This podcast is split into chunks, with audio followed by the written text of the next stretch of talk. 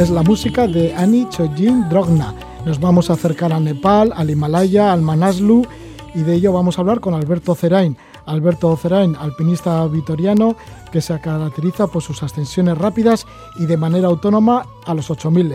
El último ha sido el Manaslu, lo consiguió, estuvo en la cima el 4 de octubre de 2016.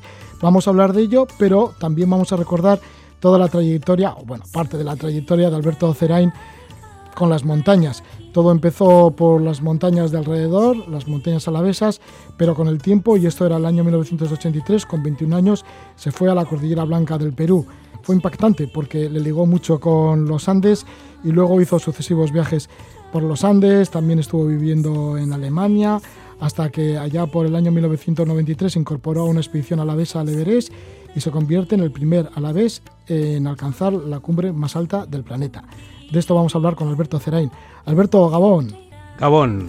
¿qué tal? Bien, pues sí, una larga carrera que está caracterizado por la rapidez, por la rapidez que subes a, a las montañas y de manera ágil y fuerte. Alberto, ¿y esta táctica desde cuándo la empleas? Bueno, la verdad que a veces eh, hay, que emplear, hay que emplearlo porque no hay otra manera. Y yo, yo soy un poco pues eh, de ver las eh, oportunidades e intento aprovecharlas. Entonces a veces pues eh, te das cuenta que, que bueno que todavía estás en, en una forma adecuada para, para tener si cabe más oportunidades a la hora de encarar estos estos 8000, ¿no? La estrategia basada en la rapidez, en la fortaleza y en la ligereza, por ejemplo, te libró de una tragedia en agosto del año 2008, cuando hiciste cima en solitario en el K2. Y ese mismo día pues ocurrió esta, este drama en la que fallecieron 11 personas. Tú te libraste de ello. Pues sí, por ejemplo, ahí estuvo bien también utilizado eh, pues eh, la táctica eh, que muchas veces, claro, hay que hacerla funcionar, ¿no? Eh, o sea, es muy fácil hablar de teoría, pero luego hay que estar allá y saber eh, qué es lo más conveniente. Y en este caso, en el K2, eh, la verdad que eh, fue muy acertado lo que hice de, bueno, ya eh, hay que decir que yo eh, planifiqué la ascensión en solitario, entonces eh, yo pensé que lo más adecuado era subir desde el campo 3 a cumbre el- ese día 1 de agosto, eh, el día de esa gran tragedia, y entonces pues bueno, eh, estuve en la cumbre, fui el primero en llegar, unas horas antes que el siguiente, y la bajada mía fue meteórica, hay que decirlo, porque yo sabía que el peligro estaba ahí, en esas rampas primeras eh, que te separan de la cumbre, porque la nieve estaba bastante blanda y bueno, y ya se sabía que cuanto menos esté en esa zona del Serac, que está eh, justo al lado de la travesía en el cuello de botella, pues mejor, ¿no? Entonces, claro, me libré, me libré y aparte de la suerte, pues pude también esquivarlo por la rapidez. Alberto, dicen que eres como una roca. ¿Cómo te preparas para realizar estas ascensiones a las montañas más elevadas del mundo? Para hacerlo de manera autónoma, sin serpas, sin, sin ayuda. Vamos, en Manaslu has estado con un, con un montañero argentino, con un himalayista argentino que es Mariano Galván. Juntos pues intentasteis la cumbre. Al final cada uno fue por su cuenta. Pero bueno, ¿cómo lo haces para ir por tu cuenta, sin serpas, sin ayudas, de manera autónoma, con esa rapidez? Bueno, yo he participado, hay que decirlo, en, todo tipo de, es- de expediciones, ¿no? Y me atengo al guion que, hay. Eh, pero bueno, en, la- las últimas eh, veces que yo he ido, eh, pues normalmente pues intento ser autosuficiente. Entonces, eh, para prepararme, pues eh, uno sabe que la última palabra la va a tener... eh, vamos a decir, la, la montaña o el lugar donde estés, que te vas a dar cuenta como qué, sensaciones y qué estado de forma físico tienes, ¿no? Entonces, pues eh, yo la última palabra se, se, toma ahí, ¿no? Tú para poder eh, luego pensar en hacer algo de una manera o de otra, eh, tú tienes que conocer un poco tu, tu físico, tu, tu, cuerpo y para ello también, lógicamente, hay que entrenarlo, ¿no? Hay que entrenarlo antes tanto pues cuando estás por aquí pues viene muy bien el pues todo lo que sea de deporte un poco con explosividad también lógicamente pues algunas salidas que pueden ser de montaña pueden ser correr también pues etapas largas de pues que te, te hagan pues ir teniendo esa pues ese aguante no entonces y a qué llamas esos ejercicios de explosividad bueno, eh, pues puede ser...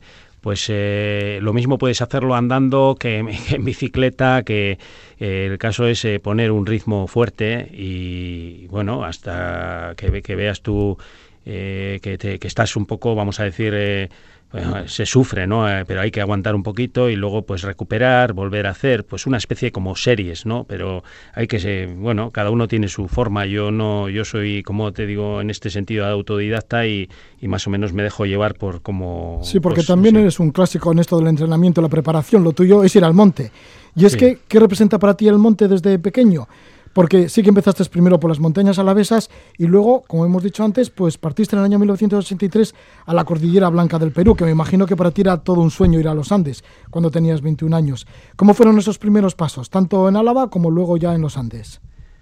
Bueno, pues eh, sobre todo para para luego medirme con estos los, montes ya más altos 8000 y todavía y tener esa eh, pues esa manera de, encararlos no yo creo que lo que más lo que mejor me vino fue el paso que di de pues de, de las montañas de aquí que podían ser las más altas pues la, en Alpes y bueno Pirineos Alpes pues ese salto que di a los Andes no porque en los Andes claro ya miras un poco hacia atrás y yo veo que allá eh, pues intenté muchas cosas de muchas maneras. Entonces eh, yo creo que eso me vino, fue un bagaje que fui adquiriendo eh, en esa en, la zona de andina y yo creo que eso me ha valido siempre luego para los 8000 no todo ese recuerdo y esa memoria que, que, me dan las experiencias que tuve no sí porque lo primero fue con unos amigos allá por el año 1983 que intentaste realizar la integral de los Wandois recorrer y ascender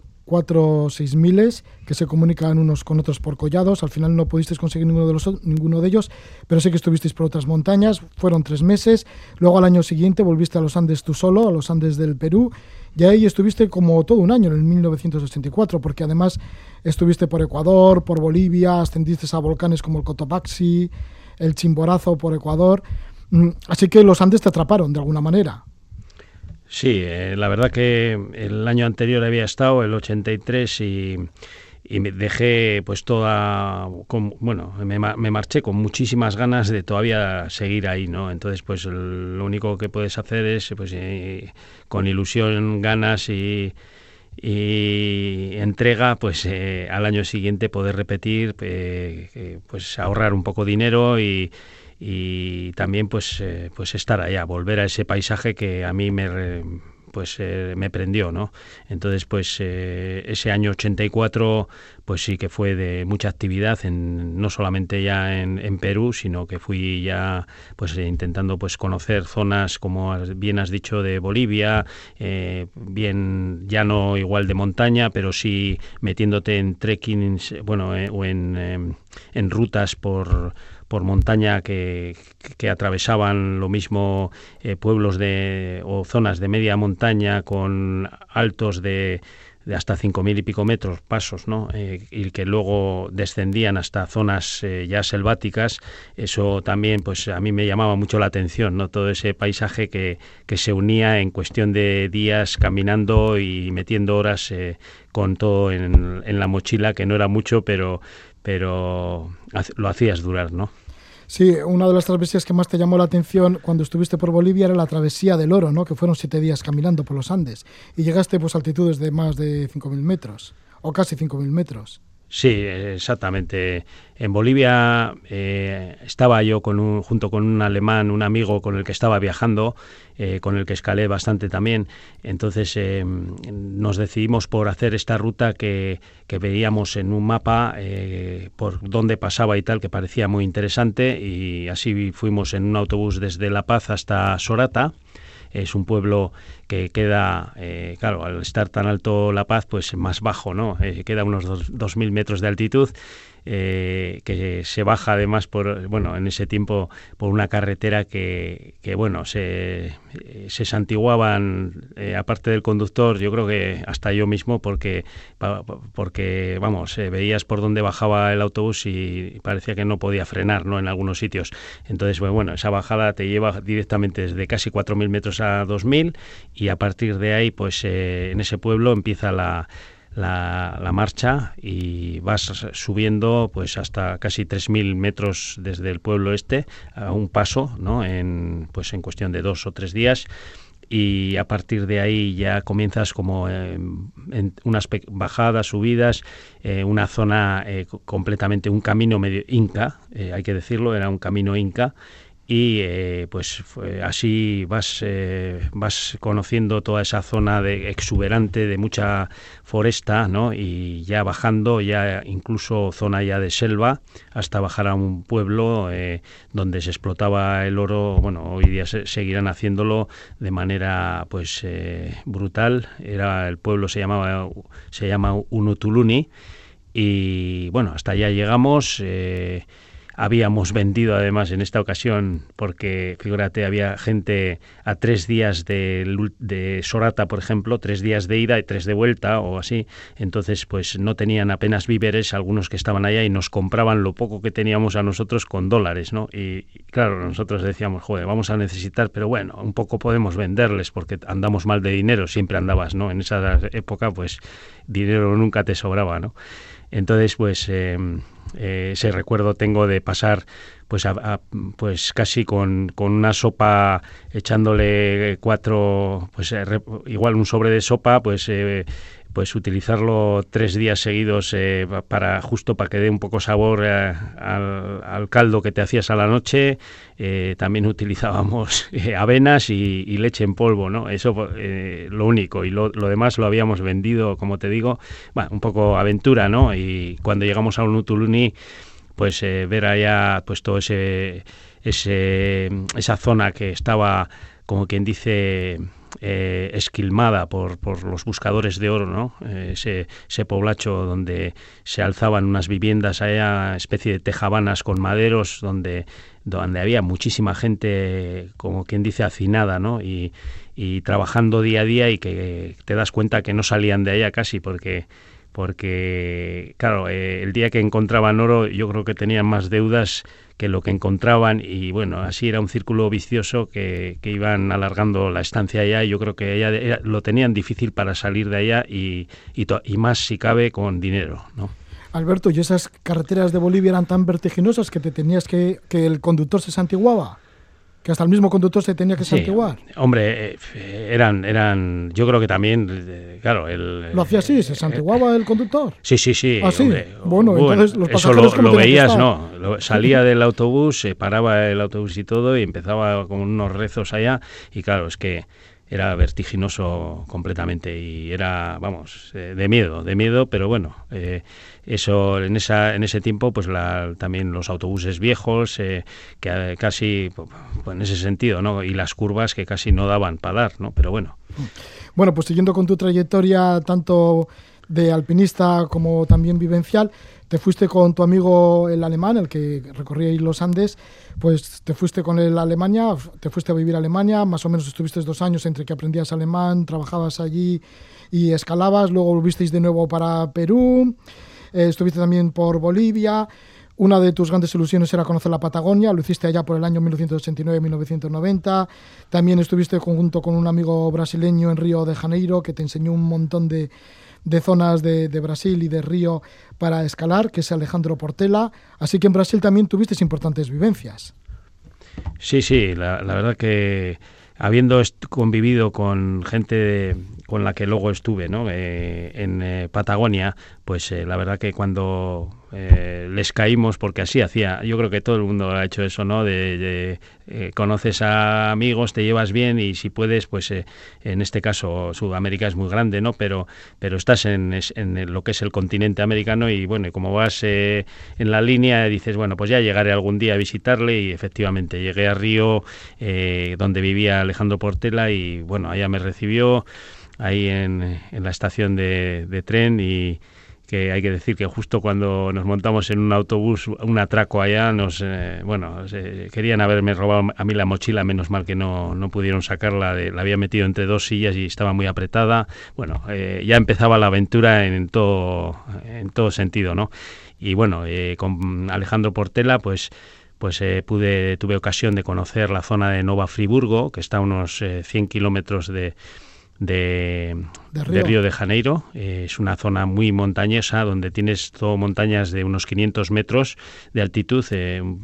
vamos a decir un paraíso para para escalar eh, de, manera, vamos, eh, en zonas que, que, son un poco muy vírgenes, por lo menos entonces, y la verdad que apenas no, no se tenían, no tenían seguros y tal, eh, tenías que ir haciendo, pues, pues con, con, lo que llevabas, friends o, otro tipo de o, clavos o lo que sea, y bueno, Alejandro Portela hay que decir que era en ese momento, yo creo que era eh, si no el mejor de, de, todo Brasil, escalador en roca, pues uno de los mejores y alpinista también muy completo. Entonces, pues bueno, con, con él y otro amigo de él, pues ibas, eh, vamos, eh, sin ningún temor a nada en esas zonas que la verdad que llamaban mucho la atención, parecía que estabas en, pues en otro mundo, ¿no? Pues después de todas esas experiencias buenas en Sudamérica, Vuelves a Vitoria Gasteiz en el año 1993, mm, la gente habla de los 8000, parece que es lo que estaba de moda, y te incorporas a una expedición alavesa que intenta ascender al Everest, y es así, te conviertes el primer alavés que lo consigues, luego al año siguiente llegó el Macalu en el año 1900, no, dos años después, el Macalu en el año 1995, ahí conoces por primera vez a Juanita Yorzábal, hacéis ya desde entonces hasta hoy una acordada importante, intentáis en el año 2000 el Everest sin oxígeno con Juanito, pero esta vez no pudo ser. Bueno, en total, que Alberto, Alberto Cerain, llevas ya 9, 8 miles y vamos a conocer cómo ha sido el último, el cual ascendiste el 4 de octubre de 2016, no, no muy lejos la fecha, el Manaslu. ¿Cómo fue lo del Manaslu? Porque también fue todo un atrevimiento. Lo hiciste también en solitario, aunque parte de la expedición estuviste con el argentino Mariano Galván. Sí, bueno, sin simplificando un poquito, ¿no? Porque esto es un poco largo lo que la serie de, peripecias, diría yo, que nos han ocurrido ahí en, este Manaslu, ¿no?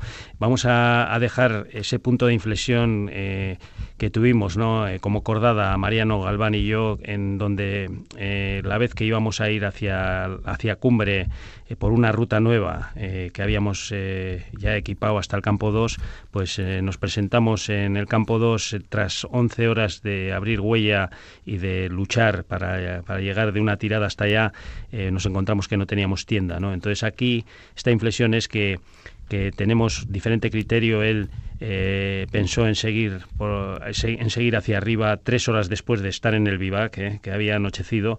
Eh, él no, no, no, estuvo conforme con quedarse ahí a pasar frío en el vivac y, y, sin agua, sin nada, decidió tirar para arriba, cosa que me parecía un poco una locura a mí, pero bueno, conociéndola a él, yo sé que él está por, un poco por encima de muchas, de, muchas cosas que, que otras que, que otros montañeros no podemos entender, ¿no? Porque yo creo que es una persona especial en este sentido y muy, muy brillante como escalador, ¿no? Entonces, pues bueno, él siguió para arriba y yo pasé esa noche, ya me bajé, entonces eh, fíjate, dos días después, cuando toda la gente estaba ya intentando la cumbre porque se veía que venían los dos primeros eh, y quizás los últimos días de buen tiempo, pues eh, yo en ese nerviosismo de, esperarle a Mariano, pues me subí eh, la, por primera vez en la clásica, pues del campo base hasta el campo 4, eh, pero no con la intención o sea, de que ir te hacia- saltaste el campo 2, el campo 3, lo que fuera, Sí, lo que sí, hiciera no, falta, eh, sí, eh, fui con poco peso tal, pero casi por distraerme un poco del, por los nervios que tenía de que todavía no, no bajaba Mariano y que estaba metido quizás en un, pues en problemas por ahí arriba en esa ruta que, que estábamos eh, intentando, ¿no? Entonces eh, la idea mía era tirar para arriba, eh, olvidarme un poquito de esa tensión que tenía y mientras tiraba para arriba pues igual veía algo en la ruta o le veía a él o no sé, que me iba a encontrar con él, pensaba también. Entonces, eh, pues imagínate llegar a ese campo 4, pues estás a las 8 de la mañana o así, porque salía a las 5 de la tarde. Eh, entonces eh, eh, yo podía haberme quedado a, la, a dormir ahí porque compañeros que compartían permiso en, eh, con nosotros, dos italianos, tenían la tienda allá y yo podía haberme quedado una noche y, o intentar al día siguiente la cumbre, pero no lo hice porque, bueno, pues me parecía eh, ¿cómo voy a celebrar yo una cumbre si está desaparecido? Ese, esa sensación tenía yo de que el otro no había aparecido todavía, ¿no? Entonces, pues ya me bajé ese mismo día, al mediodía estaba en el campo base, pensando también que igual lo veía ya, que habría llegado y no estaba todavía. Entonces, pues bueno, ya dejé los nervios, los nervios se me quitaron cuando eh, me informaron que eh, dos horas después que lo habían visto eh, con prismáticos unas personas en la pared, no metido a 7.500 o por encima de ahí en la ruta nueva. Entonces, eh, bueno, eh, ya eso me tranquilizó y ya me, me quedé esperando a ver qué, qué, qué es lo que hacía, si iba para cumbre o si bajaba ya. Entonces al día siguiente, cuando mucha gente bajó de la cumbre del Manaslu, pues él también bajó, se retiró, eh, se, se quedó a unos 380 metros de la cumbre y, y bajó pues con, pues con esa vivencia, con esa cara eh, casi pues eh, comida por la altitud, eh, no había casi probado bocado, había bebido lo, poco que pudo hacerse derritiéndose agua, imagínate, agua en una cantimplora habiendo cogido hielo, ¿no? De, metida en el cuerpo, pues poquísimo, ¿no? Entonces, pues bueno, el caso es que yo pensaba que él ya se iba a retirar del monte, que no iba a intentar más porque estaba súper cansado. Entonces, pues yo, dos días después de haber bajado de ese eh, base, campo 4 base, pues eh, ya hice un intento serio a cumbre. Eh, la idea era ir hasta el campo 3 y al día siguiente ir hasta la cumbre. Pero me tuve que quedar 24 horas en la tienda que llevaba en el campo 3 porque la climatología no era adecuada, había mucho viento, había nevado bastante un par de días antes. Entonces, pues yo pensé que lo mejor era esperar y, y justo eh, salí al amanecer del día 4 y, llegué a cumbre pues una hora y media o una hora y cuarto antes del anochecer. Eh, claro, eh, el que si sales tarde y encima desde un campo más abajo que lo normal, que sería salir del 4, pues entonces no vas a llegar muy pronto y encima con las condiciones que no estaban demasiado bien. Así que una vez Sí. en la cumbre tuviste que regresar a todo correr, ¿no? Porque claro, se, se te echaba la noche. No, estuve media hora en la cumbre. Media hora, fíjate. Sí, o sea, quiero decir que estuve sacando fotos, eh, pues eh, casi de trabajo. Eh, porque estaba muy bien en ese momento, o sea, tuve la suerte, eh, no, o sea, había habido viento, había estado cubierto también, o sea, con mucha niebla, pero cuando llegué, se, yo creo que el cambio ese del, de ya del frío que, que se nota cuando anochece y demás, pues las nieblas eh, se limpiaron, salieron de allá y me dejaron un eh, espectacular, eh, unas espectaculares vistas eh, y que las disfruté y, y las bueno, estuve grabando, estuve filmando y como ahí pasa muy rápido el tiempo, pues luego pues luego ya miré hacia abajo, que veía dónde estaba, dónde tenía que bajar y, y bajé muy rápido, muy rápido. Bajaste muy rápido. Bueno, nos quedamos ahí en la historia de la ascensión de Alberto Cerain al Manaslu. También tu compañero, Mariano Galván, consiguió la cima, así que ha sido un éxito para, para ambos. Pues muchísimas gracias, Alberto Cerain, por estar con nosotros. Vale, a vosotros. Vale, Sorionak, por el Manaslu. Es que ricasco, yo rollo.